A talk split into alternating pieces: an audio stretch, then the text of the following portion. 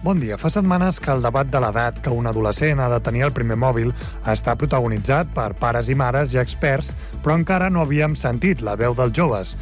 Cugat Mèdia ha reunit a quatre adolescents de 16 anys de Sant Cugat, els presentadors del programa L'Hora dels Joves de Ràdio Sant Cugat, per escoltar les seves opinions. És un debat que poden recuperar a www.cugat.cat.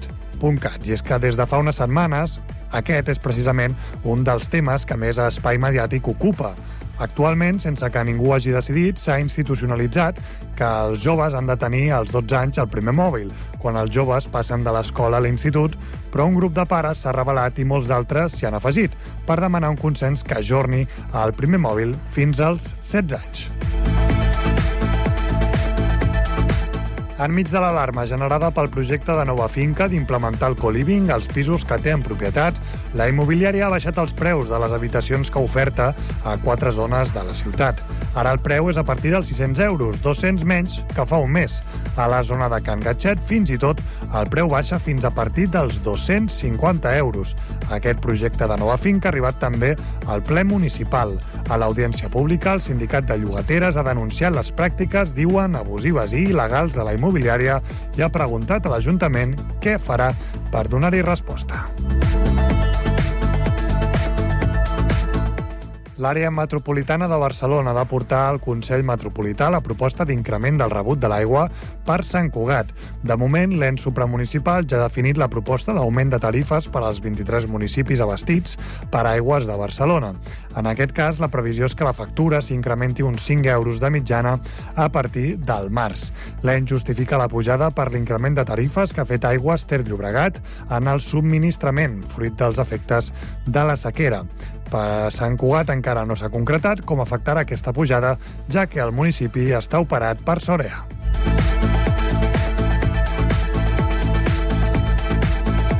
I darrer cap de setmana de novembre per als equips santcuatencs i on centrem l'atenció informativa en el duel de dissabte de la part baixa entre el Solideo Patiu Gay Club Sant Cugat i l'Olot a dos quarts de nou del vespre. El maig correspon a la sisena jornada de l'Hockey Lliga Plata Nord entre els santcuatencs, que tenen 4 punts, i els olotins, que en sumen 6.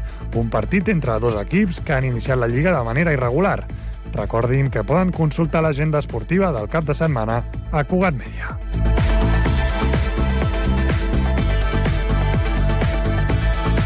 Cugat Mèdia, la informació de referència a Sant Cugat.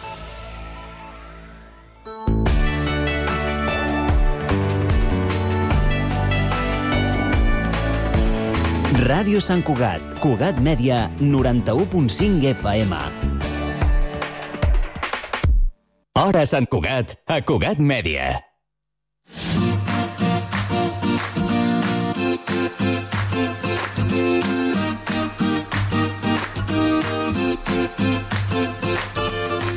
Comencem el segon capítol de l'Angeleta Parla, l'espai, el programa de ràdio del centre educatiu Angeleta Ferrer i comencem primer eh, coneixent les locutores que avui m'acompanyen a l'estudi 1 de Ràdio Sant Cugat. Aniré dient els noms. Anna Ruiz.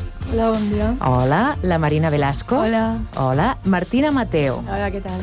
Eloísa González. Bon dia. Hola. Laia Bravo. Hola. I la Laia Sánchez. Hola. Preparades per explicar-nos moltes coses Mm -hmm. Sí. i sí. per donar forma a aquest programa de ràdio que heu preparat a l'institut, a la classe, Sí, sí.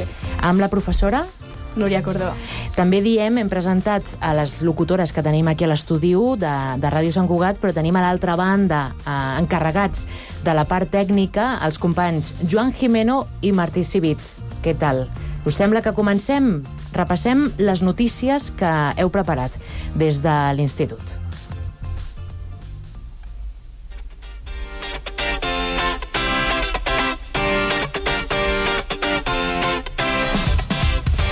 I la primera en explicar-nos, en portar-nos una notícia, és la Marina Velasco. Marina, què ens expliques? Doncs jo us volia explicar una notícia que va començar a ser eh, així com trending topic i així al principi de mes d'octubre, Mm -hmm. que va passar amb l'Aitana Ocaña, ja que va començar el seu nou tour i la seva nova gira, que es diu Alfa, i va començar a València. Mm -hmm. I tot anava bé fins que va arribar la cançó Mi Amor i es va veure embolicada en una polèmica, ja que va ballar sensualment Aleshores, doncs... Aquí la tenim, és aquesta. Sí, és aquesta, just.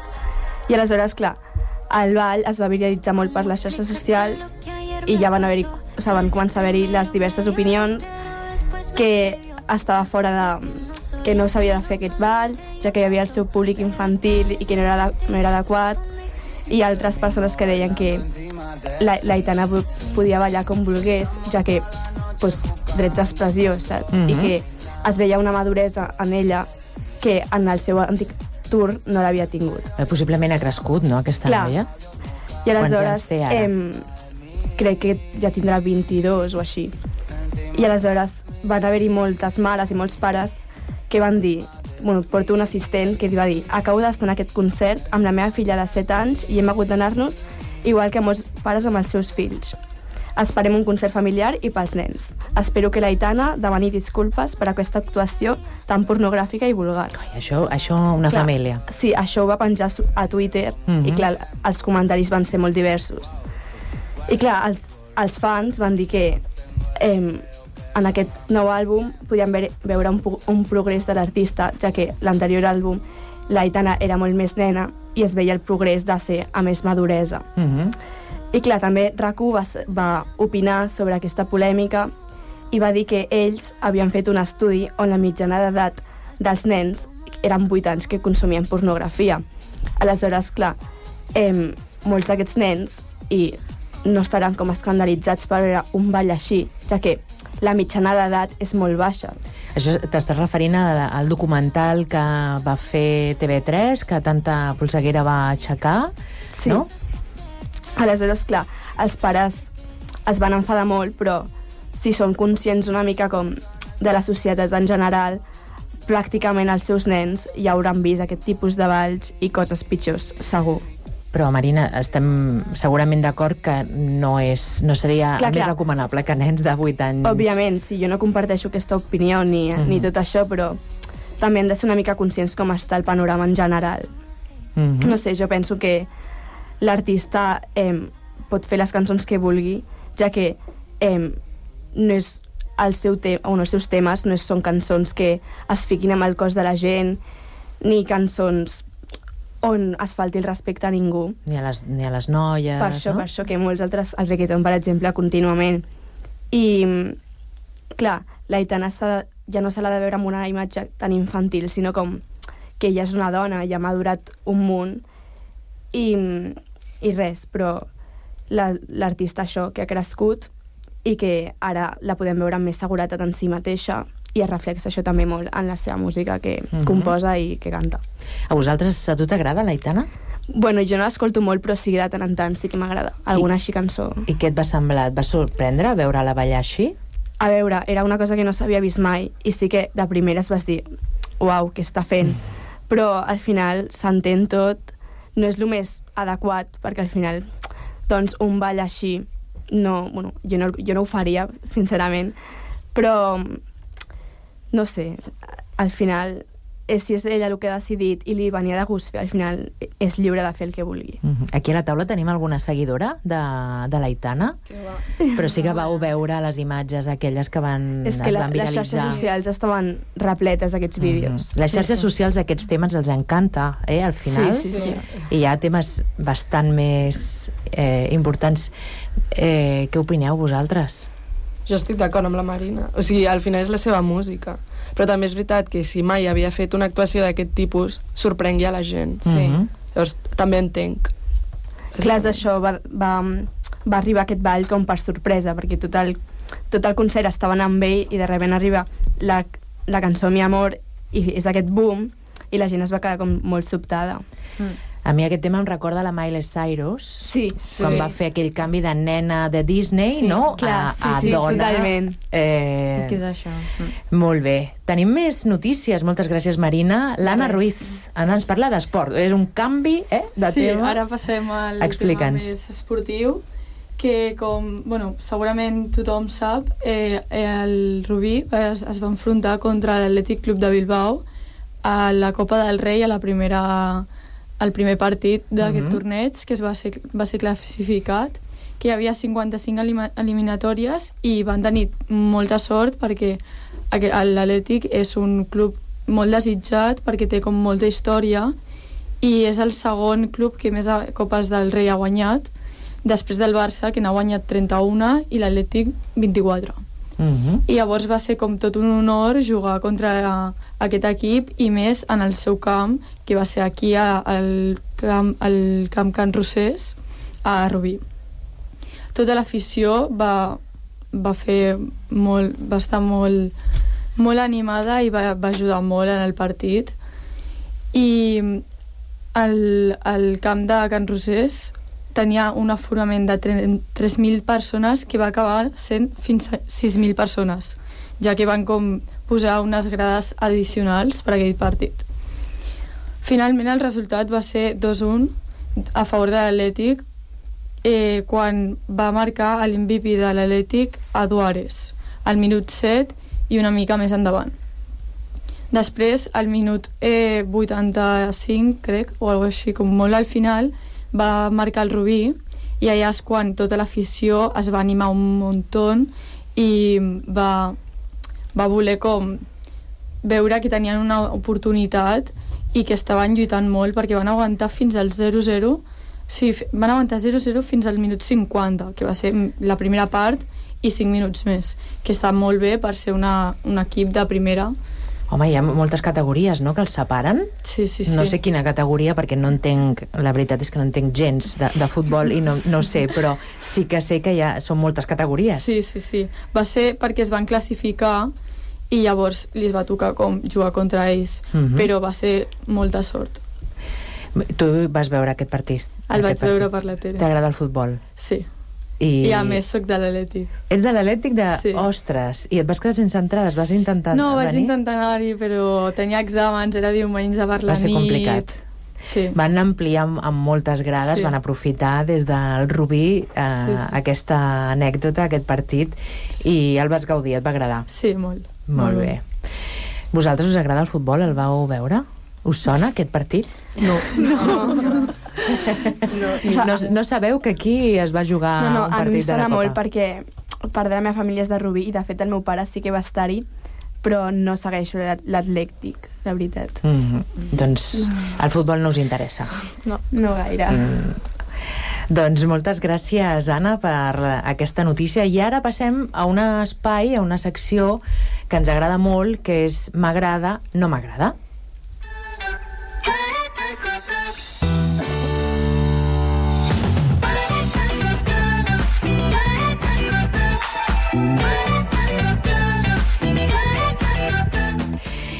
Eloísa González, Hola. què t'agrada o què no t'agrada? Doncs vinc a parlar d'un moviment que m'agrada molt, que s'anomena slow fashion. Mm, en què consisteix, això? Sí, ara explicaré una mica. Mm -hmm. Doncs avui dia la societat ha adquirit la tendència de comprar roba compulsivament sense tenir-ne en compte la durabilitat ni l'ús a llarg termini d'aquesta roba.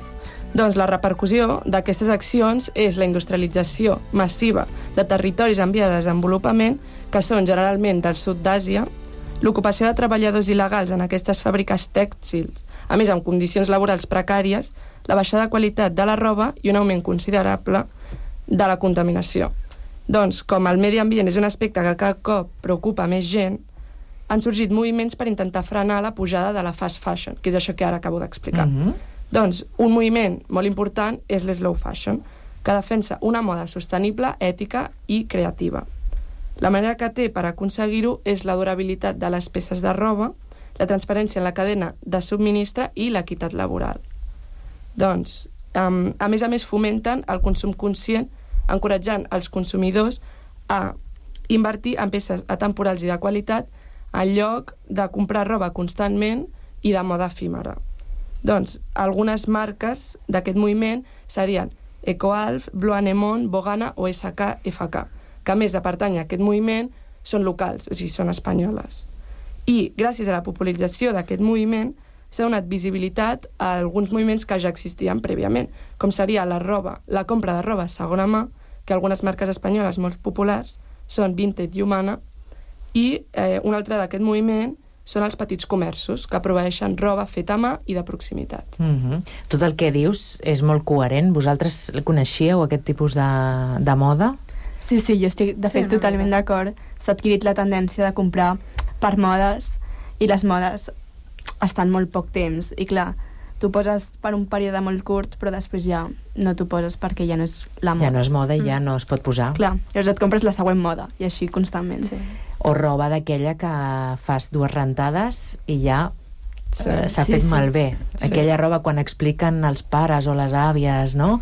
Jo em posava un, un, un uns pantalons o un jersei i em duraven, no sé, 10 anys, sí. i dius, uau.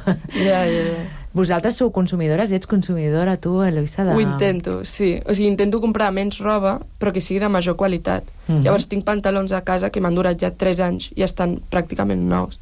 Llavors surt molt més econòmic. Sí, tot i que d'entrada és més car, segurament. Sí, sí. Exacte. O sigui, estalvies però a llarg termini. Hem de tenir en compte que sovint els productes són barats, però perquè se sacrifica és l'hora mm. del preu hora dels treballadors o treballadores. Sí, exacte, Vale. Molt bé, doncs a mi també m'agrada. Què més? Què més tenim? La Martina? Sí, sí, sí. Què tens doncs, preparat? Jo de l'apartat no m'agrada eh, parlaré del tema que és la utilització, l'experimentació d'animals Mhm. en diferents àmbits i bueno, com sabem, aquest és un tema que en realitat ha, ha generat un debat bastant profund entre els éssers humans perquè eh, és una, bueno, qüestiona la moral i també l'ètica i què passa? Que com que hi ha gent que té diverses perspectives i amb diferents opinions eh, hi ha aquestes contraposicions, no? Eh, hi ha gent que pensa que la utilització d'animals sí que pertany a les pràctiques dels humans eh, o hi ha gent que pensa que s'han de protegir els drets de, dels animals amb qui compartim el planeta. I, doncs, hi ha una varietat de contextos on hi ha aquesta experimentació amb animals i pot ser fins a la investigació científica eh, o la producció alimentària i fins i tot també l'entreteniment, no? Eh, I doncs, primer de tot, en l'àmbit de la recerca científica, eh, sí que és cert que la utilització d'animals ha ajudat a fer aquests avenços, a, per exemple, quan tenim animals en laboratoris i o per exemple en les vacunes, no? en tractaments mèdics que es comprova abans amb els animals que amb les persones, però malgrat això eh, sovint ens preguntem si podem fer els mateixos avenços sense fer tan mal. Eh, I doncs per això també hi ha aquestes tot de qüestions ètiques i mm -hmm. la responsabilitat que tenim nosaltres sobre els animals.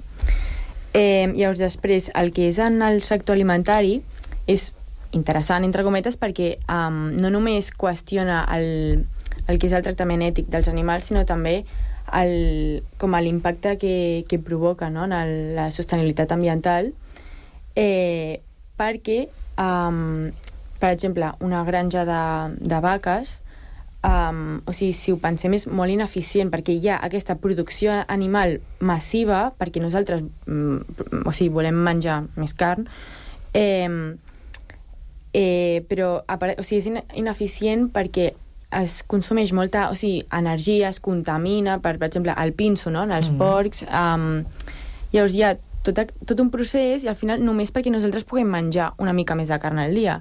Llavors, mm, fent, o sigui, menjant menys, podríem fer el mateix, ens alimentem igual. Nosaltres podríem menjar directament més vegetals i no hi ha tot aquest consum. O proteïnes d'origen vegetal, Clar, no? per exemple, Mhm. sí, sí, sí.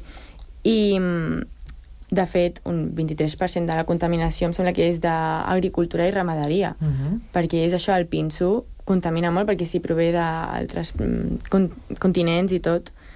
I doncs, després d'això, el tractament ètic dels animals, com en aquest cas que estava dient les vaques, eh, o sigui, les tenen de peu tot el dia, juntes, no tenen espai, mm, i a més que en espais això molt reduïts, eh, És una indústria, I, al final, i en clar. la indústria no hi ha cap tipus clar, de... és això, sí, sí. Esteu parlant, de fet, heu parlat una mica les dues de, de, del mateix, no? Sí, sí, Sobre sí. dues indústries que contaminen moltíssim Mhm.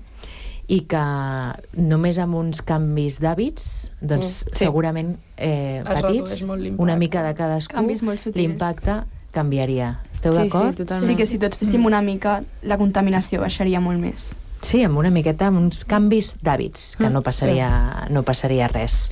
Clar. Voleu aportar alguna cosa sobre l'experimentació dels animals? Jo penso que és un tema complicat perquè pensant en la medicina i tot això, has de fer proves abans de provar un, un humà però també Mm. s'ha de tenir en compte que encara que estiguis matant a una gallina en comptes d'una persona, és una gallina, és una vida. O sigui, no podem fer com... Bueno, com no sóc jo, doncs em dóna igual. És jugar una mica a ser déus, no? Mm. Que és, és el que fem des de l'ésser humà eh, aquí a la Terra. Doncs ara anem amb coses, a parlar coses més frívoles. Anem a fer una mica de safareig musical.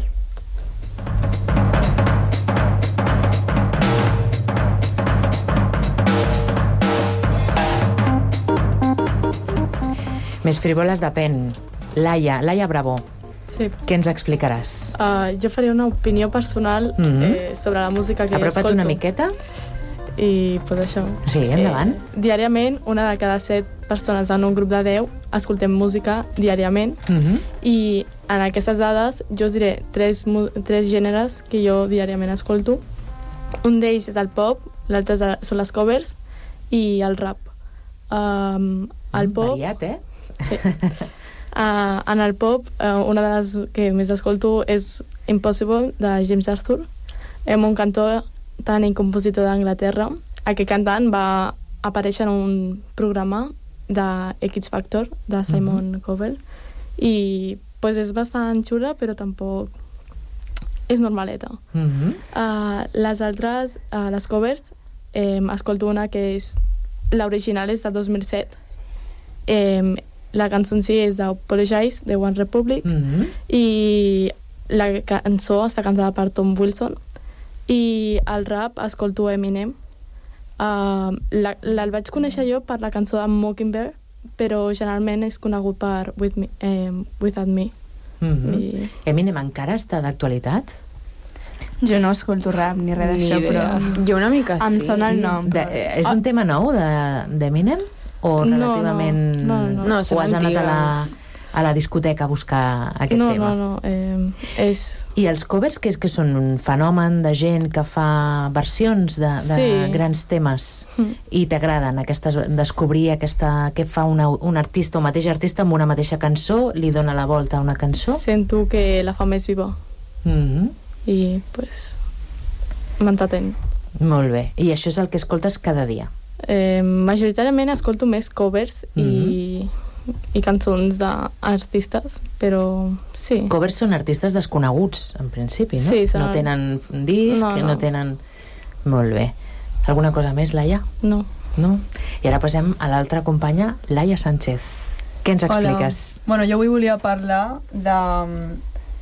Eh, ar no, artistes molt famosos Mhm. que s'han fet famosos gràcies a les xarxes socials. Bueno, o sigui, àlbums que s'han fet famosos gr- gràcies a les xarxes socials. Mm -hmm. Eh, I primer de tot vull començar a parlar de reggaeton eh, amb el Bad Bunny, el cantant de música urbana per, excel·len per excel·lència. Eh, aquests últims anys, els fans vells no han tingut opinions molt positives de la seva nova música perquè la seva opinió és música molt mainstream i no els encanta. Però ara ha tret un nou àlbum que es diu... No, me'n- No te'n Ara recordes. me'n recordo, no, o sigui, ara no me'n recordo com es diu, quan, però... Quan el recordis ens, ha, ens el dius. No, no, no ho recordaré, però bueno. L'últim disc, quan, que no, quan, quan et passa això, és l'últim disc, no?, del... del... Sí, és el seu últim disc. Doncs és, sí, és del disc 2023. de l'artista. Llavors, eh, en, en aquest nou àlbum ha, eh, ha participat amb cantants com Young Miko i Arcángel. Però, bueno, òbviament, eh, a les xarxes socials no els ha encantat a tothom aquest àlbum, o sigui, ha tingut moltes crítiques. Mm -hmm. I, bueno, a, o sigui, a mi personalment no m'encanta aquest àlbum. Llavors, pues, no sé. I després m'agradaria parlar d'un àlbum que es diu que és nou també del maig, que es diu Did You Know That There's a Tunnel on the Ocean Boulevard, de la Mhm. Lana. I, bueno, per molta gent aquest àlbum pot ser considerat com la fi de la seva evolució musical, perquè en, aquests, per, no, perquè en els seus inicis eh, elles consideraven la seva música en els seus àlbums una persona trista que buscava a l'amor eh, en homes més grans o en drogues, per exemple, que la fessin sentir més sola. Mhm. Dic menys sola. Eh, llavors, sí, en aquest nou àlbum pues, s'adona que el que realment omple el seu buit és la seva família o fins i tot l'espiritualitat. A més del seu desig de formar una família o de trobar un home que la valori realment i no com anteriorment, que tenia relacions amb homes que realment no l'estimaven, no? Mm -hmm. I, bueno, sí que aquest fet contrasta molt amb, amb el seu nou àlbum, dic amb el seu vell àlbum, ja del 2014, crec, Ultraviolence, on tenia relacions amb homes molt, molt dolentes. Sí, els ritmes eren sí, com més tristos. Mm -hmm. Sí. Doncs I ja t'agrada, recomanes aquest, aquest tema, ens has portat aquest tema de la Lana, Sí, que forma part és el d'aquest últim seu tema disc. principal. El tema, el jingle, diguem, el Sí. single de presentació de, Mm. del disc. Doncs, si us sembla, finalitzem. Us agrada l'Anna del Rei? La coneixeu? No, jo no escolto la... Tu què escoltes? Perquè... Què escoltes, Marina? No sé, jo escolto... La... Jo, bueno, jo tinc molta... O sigui, jo escolto molt... Diverses. di- di- mus- música molt diversa. Jo et puc escoltar des d'un Detallets, un Figaflaua, a Bad Bunny, Quevedo i tot això. Jo, Mhm. jo escolto molt tipus de música, però just ni Eminem, ni Lana del Rei, ni res d'això. Doncs mira, ara aprofitarem per escoltar l'Anna del Rei perquè finalitzem el programa eh, de l'Angeleta Parla amb aquest tema. Anna Ruiz, Marina Velasco, Martina Mateo, Eloisa González, Laia Bravo, Laia Sánchez i el Joan Jimeno i el Martí Civit moltes gràcies per venir a Ràdio Sant Cugat i donar forma a aquest eh, magnífic programa de ràdio. Ens veiem a la propera. Us espero aquí a l'estudi de Ràdio Sant Sí, sí. Cugat. Fins la Moltes propera. gràcies. Gràcies. Gràcies. When's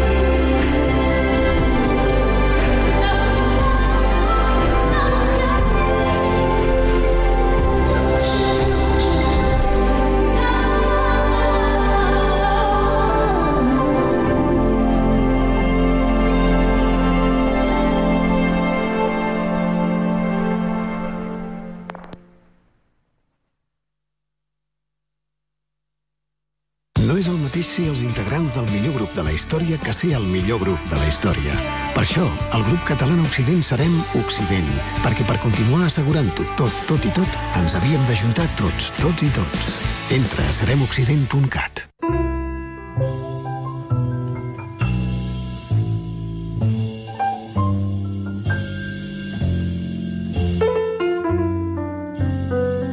La bona música, amb Lluís Bonamusa. Un espai de Mataró Ràdio per la xarxa de comunicació local. Els diumenges, a les 3 de la tarda, al 91.5 FM.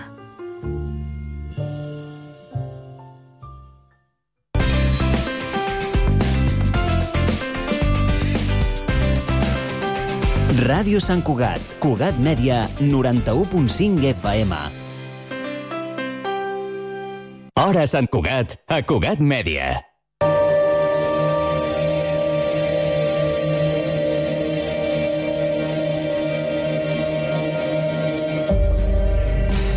Ricardo Mir de Francia és un periodista especialista en política internacional i reporter del periòdico que viu a Sant Cugat des de fa dos anys. Originari de Castelló, es va llicenciar en periodisme a la Universitat Pompeu Fabra amb estudis de postgrau en dret internacional.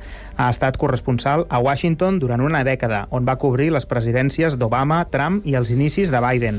Abans havia estat sis anys a l'Orient Mitjà i més recentment s'ha ocupat de la guerra a Ucraïna i en les darreres setmanes del conflicte entre Israel i Hamas, on ha treballat sobre el terreny durant una vintena de dies. Tenim la sort avui de poder comptar amb la seva presència. Ricardo Mir de Francia, molt bon dia i benvingut al Cugat Media. Bon dia, moltes gràcies. Comencem pel, pel més recent. Fa poc que has tornat a Sant Cugat, després de tres setmanes a Israel, cobrint l'etern conflicte. Ara més cruel que mai. Com ha estat aquesta darrera experiència? Bueno, uh, ha sido ha sido muy ha sido difícil, uh, muy intensa tanto físicamente como emocionalmente, porque son jornadas de interminables de 16 horas de trabajo.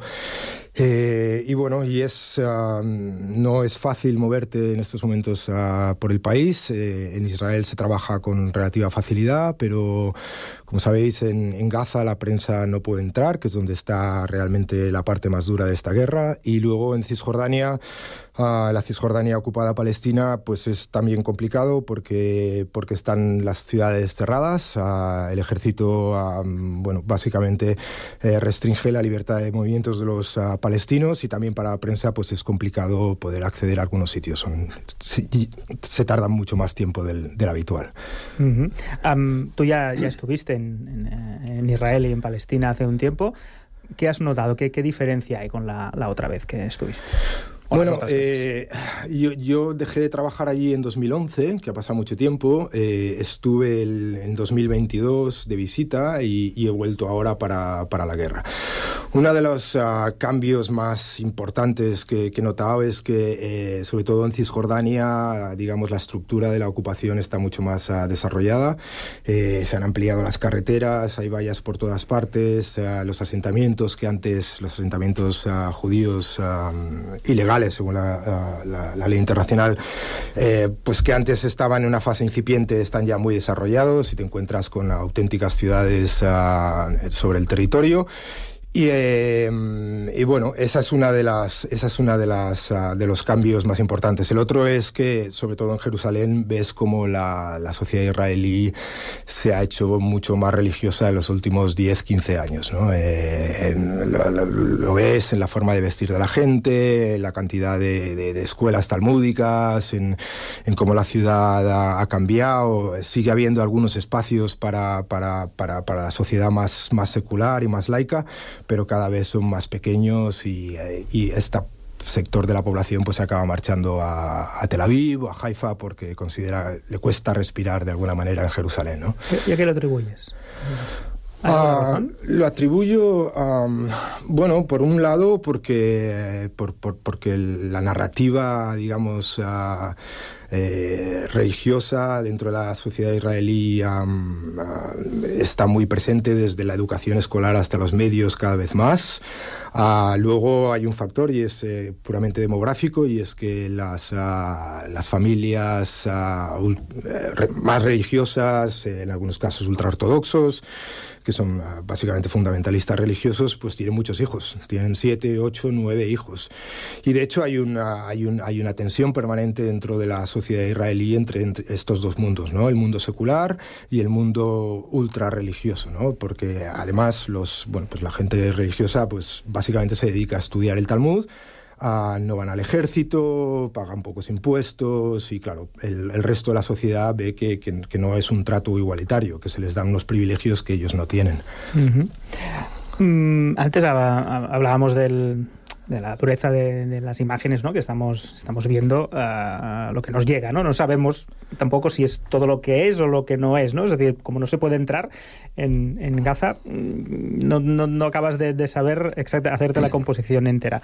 Pero co- en, eh, los periodistas, uno, somos personas, pero somos periodistas, tenemos que intentar mantener la objetividad y, y explicar de la manera más objetiva eh, lo que pasa.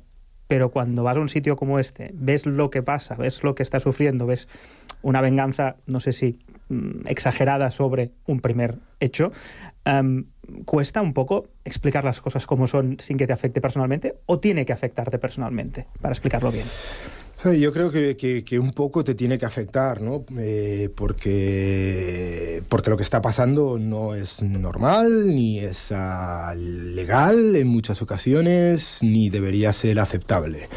De modo que un poco te tiene que afectar. Ah, también lo más complicado para mí de cubrir este conflicto siempre ha sido controlar las emociones, no acabar escribiendo desde el estómago. Ah, porque, porque las injusticias que uno ve en el día a día son constantes y son muy duras. ¿no? Entonces, bueno, tienes que encontrar ese equilibrio para, por un lado, decir las cosas con, una aproximación a la realidad, que es una realidad muy dura, para que el lector lo entienda, pero al mismo tiempo siempre manteniendo pues, eh, la objetividad de lo que está sucediendo eh, y ser capaz de, de- de explicarlo para que la gente lo entienda, que es importante, porque es un conflicto que, como tú has dicho antes, es casi eterno. Llevamos casi un siglo con esta historia eh, y la gente al final desconecta, y yo creo, a veces sin tener claro cuáles son los, los básicos de lo que está sucediendo.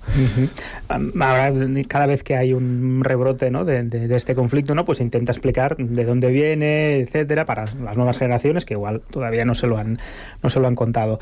Pero sí que es cierto que parece que el mundo tenga que estar- posicionarse, ¿no? O en- a un lado o, o al otro.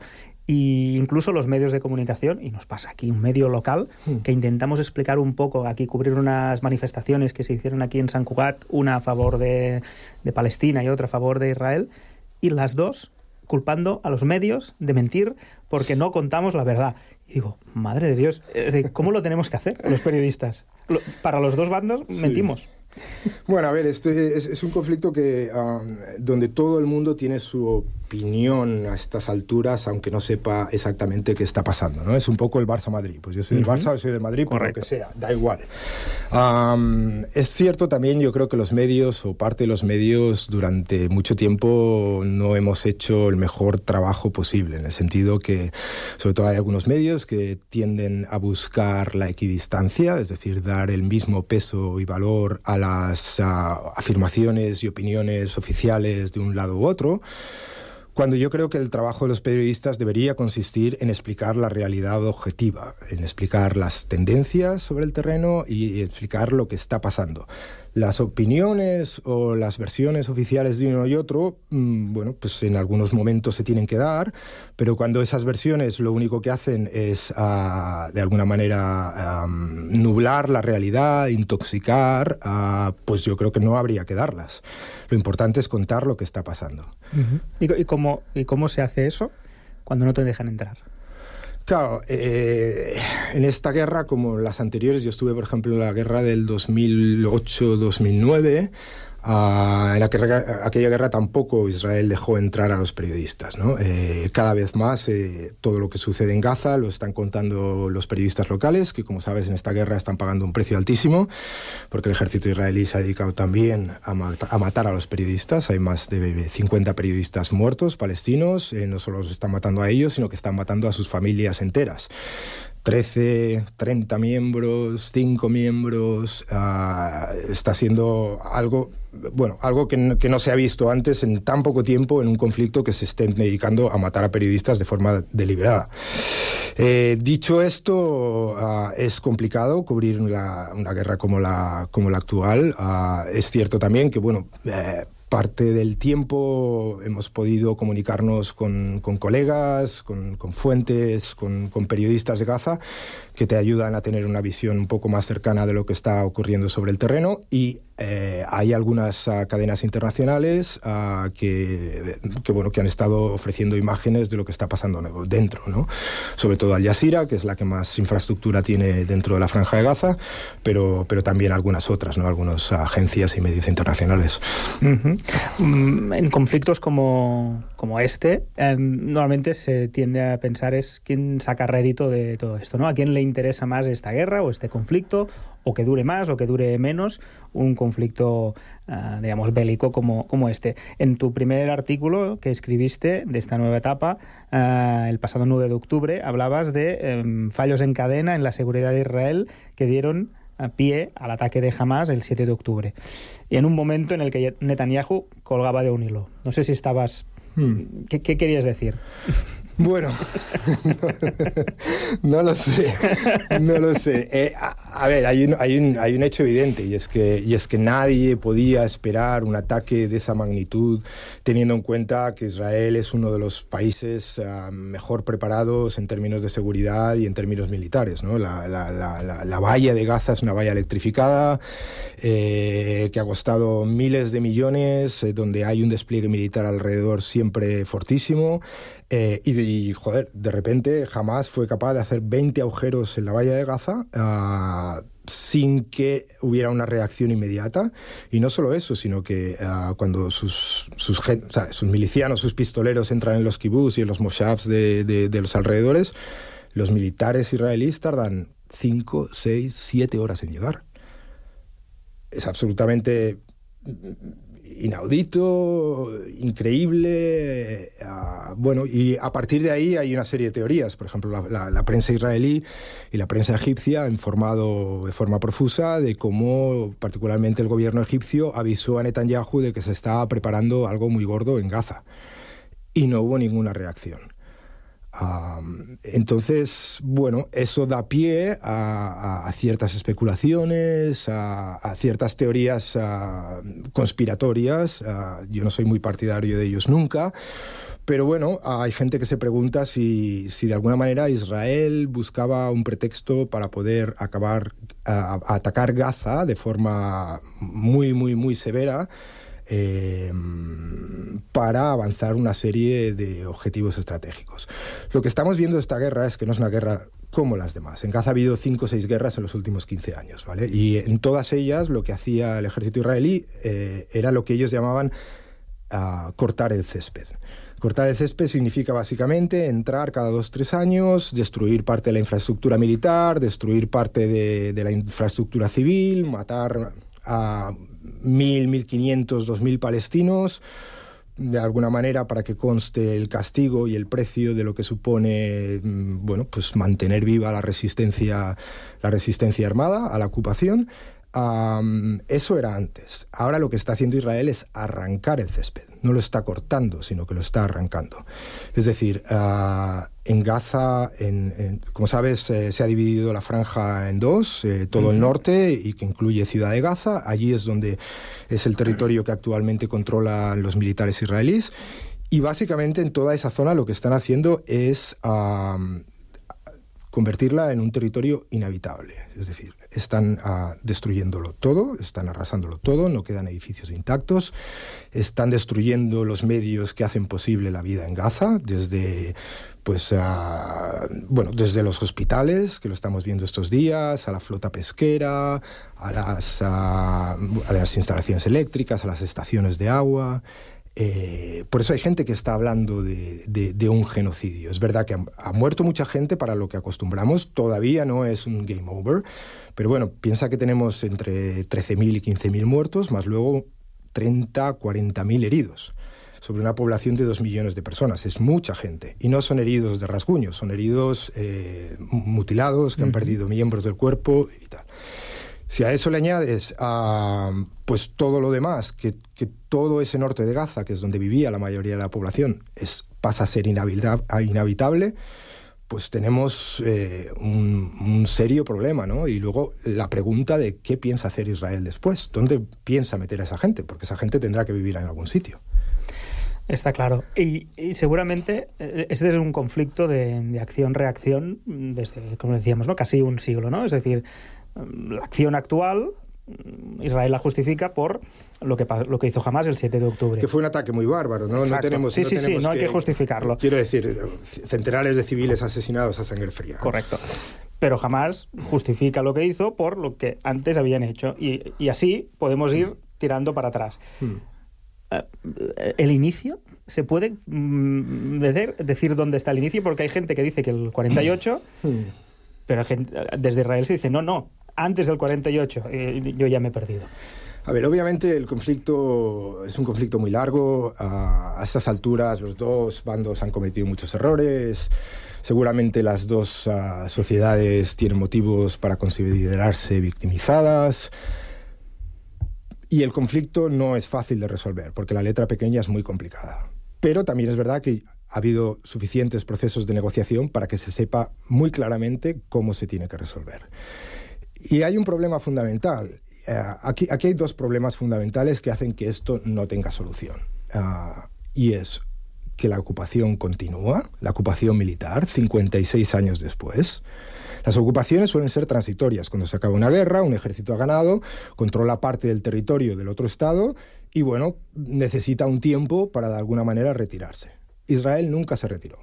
Inicialmente eh, los gobiernos laboristas lo justificaron por motivos de seguridad, necesitaban tener una presencia para evitar potenciales ataques, mientras que la derecha israelí lo ha justificado siempre por motivos ah, bíblicos. Es decir, ellos consideran que, que toda, que toda la Palestina histórica es propiedad de Israel por mandato divino. Y entonces eso ha hecho que, ah, fuera por motivos de seguridad, fuera por motivos de, bíblicos, digamos, pues Israel no se ha retirado de los territorios ocupados. Y no solo eso, sino que se ha dedicado a expandir su presencia mediante la construcción de asentamientos y, la colonización constante.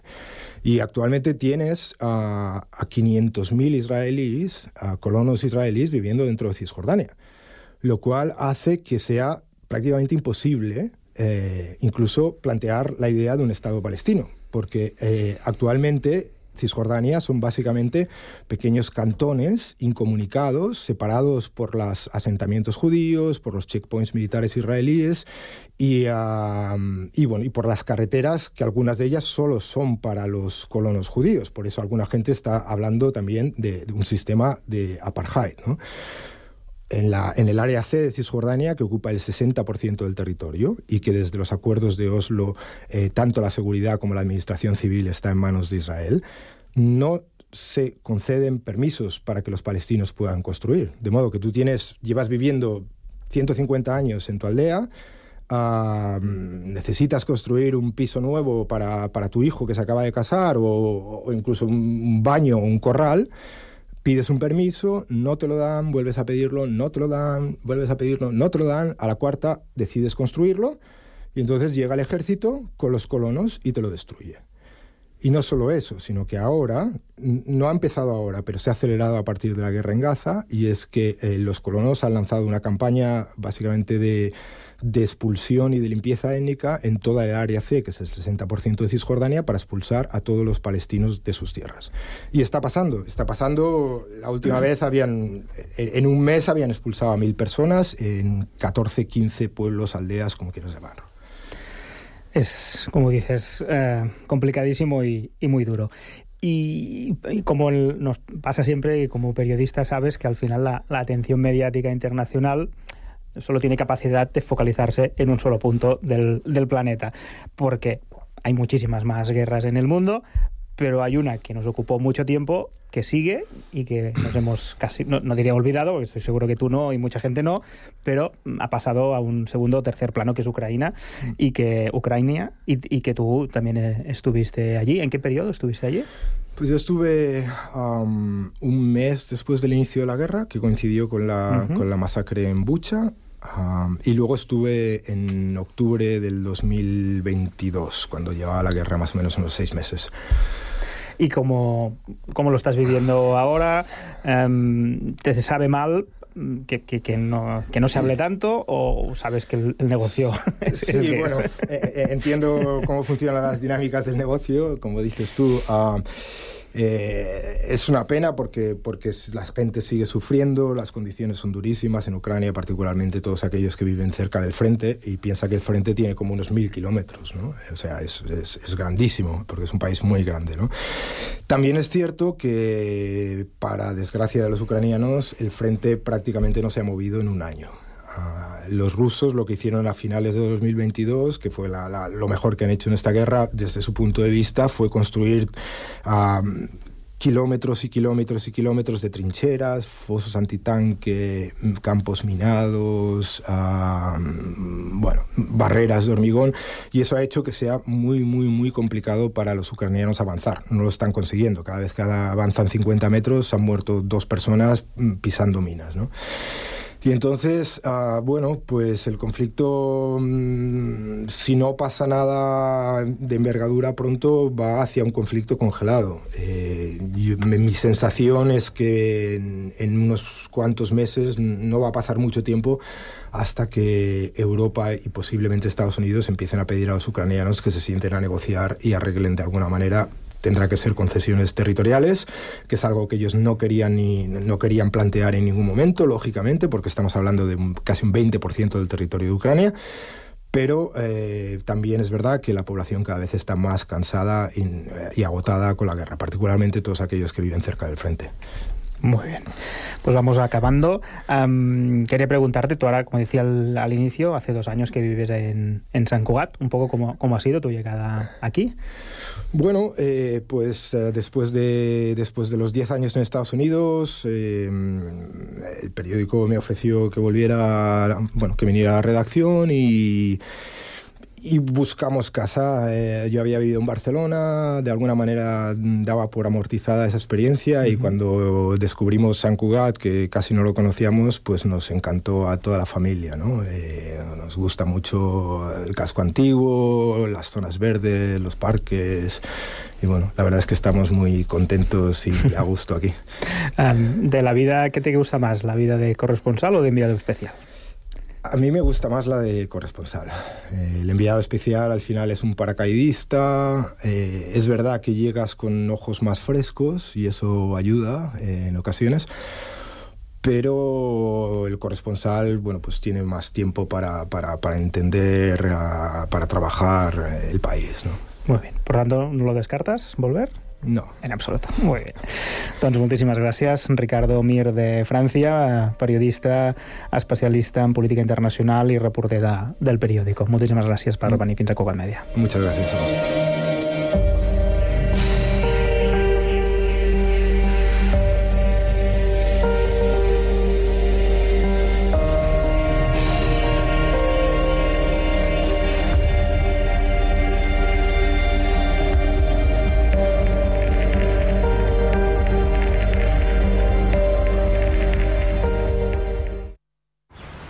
Estàs pensant a posar plaques solars a casa teva?